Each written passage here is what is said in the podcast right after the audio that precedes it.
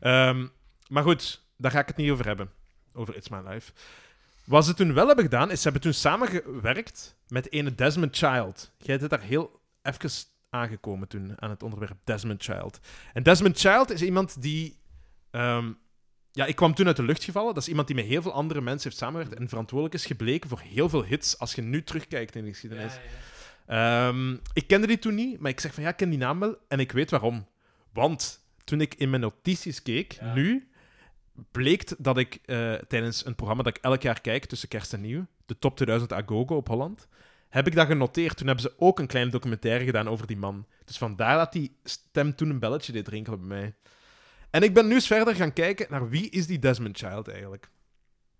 Ehm voilà. Dus Desmond Child is een zoon van een Cubaanse moeder en Hongaarse vader.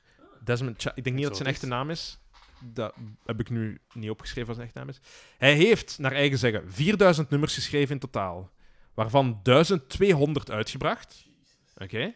Amai. 80 daarvan zijn in de top 40 beland van Amerika. 80 top 40 hits. 15 daarvan zijn top 10 hits geworden. Waaronder die twee die ik juist heb genoemd: You Give Love a Bad Name, Living on a Prayer.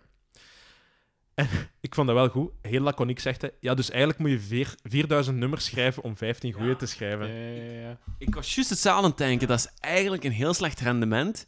Maar daar is dus de concurrentie echt wel moordend, hè? Dat is toch niet normaal? Je moet al 4000 nummers schrijven om inderdaad 15 top 10 hits te, eh, top 10 hits te hebben. Maar, Ja, ja, ja. oh jong. Amai, ja. Top. En ik ben al eens beginnen kijken van ja, wat zijn dan die andere allee, top 10 hits dat hij heeft. En hebben jullie al een idee? Nee, helemaal niet. Ja. Ja? Eh, Kiss met, eh, met dingen, hè? Eh, I was made for loving you. Je hebt, dat, je hebt dat juist zien staan bij mij in mijn notities. ah, echt? Je weet dat nog van vroeger? Ah, wel ja, voilà. toen gezegd, dat ik opgeschreven. Dat was zijn eerste. Ja. Dat was zijn eerste grote hit. Want hij... eh, Oh, de gelijkenissen wel. ja, hè, dus Ja. het is zo echt zo Zo de arena, stijl, arena rock. sfeer. Ja, ja, ja. Zo, zo, Ja. ja. Echt zo de zingen, long ballads, slash rock Huh? of zo, hè? Exact. Ehm, het is toen dat hij de smaak te pakken heeft gekregen. Hij, is, hij heeft Paul Stanley, de zanger van Kiss, heeft hij leren kennen. Of de gitarist? Nee, de zanger van, van Kiss. Heeft hij leren kennen. ehm, in, in ja, Californië ergens. Ehm, en hij had een, toen een pas een drumcomputer gekocht. En ik weet niet wat jullie weten van Kiss. Jij weet het wel, dat weet ik. We hebben het er al over gehad. Ja, ja. Maar voor Tijl... Nee, Ik, ik ken er helemaal niks van. Tijl... Het is het ja. Het is stijl. Het is Tijl toch, hè? Ja, ja. Ja, ja, tijl. Tijl. Eh, dus Tijl, Kiss was ook eerder een hardrockband. En die Ja, hebben ja. ook op een gegeven moment die switch gemaakt. Want I Was Made For Loving You is eigenlijk een beetje disco meets rock. Ja, dankzij Desmond dan. Dankzij Desmond, want door zijn drumcomputer, dat is effectief de drumcomputer die in dat nummer gebruikt wordt. Ah. Voilà. Ja. Ja. Hard. En Gene Simmons ook, hè? Ik heb daar nog nooit liedjes van gehoord van voor ehm, I Was Made For Loving You. Jawel, want welk nummer Ja, moet hij dan luisteren, Roy Jim? Roy Jim zeggen. Love gone, love gone. Nee. Love Nee, Gun. zegt mij niks. Weer Ah, wel- niks, nee. Love Gun moet je eens luisteren, dat is wat meer de rockkant. Mhm. En dat is geschreven over Paul Stanley zijn penis. En- Love Gun. En Black Diamond is ook supergoed. Ja, er zijn er veel. hè. Detroit Rock City. Rock Dat zijn twee gitaren die samen soleren en dat klinkt super mooi samen. En, Hebben jullie nog eh, een gele fluostift? Nee. Maar dus, hè, dus, om terug te komen, hij heeft later ook nog Live to Win voor Paul Stanley geschreven. Dat is ook wel een bekende. Live to Win. Mhm, mhm. Ik denk dat... Is, ik, is dat ooit niet bij een anime of zo zelfs nog? Als Ik, eh, intro dan, dan moet ik eh, aan, eh, aan, aan iemand anders Ja, aan, aan Jeff Specht, hè? Chef Specht, ja, Ja. Chef Specht. Dat is even de naam kwijt. Ja. En dus daarna is hij met, John, eh, alleen met Bon Jovi, met de band beginnen samenwerken, die dus iets anders wouden. En hij had eerder een R&B-achtergrond, voor hij met Kiss en zo begon samen te werken.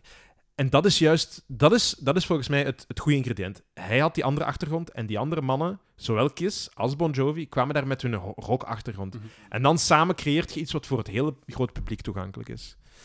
Ehm, wat heb ik hier nog opgeschreven? Poison van Alice Cooper.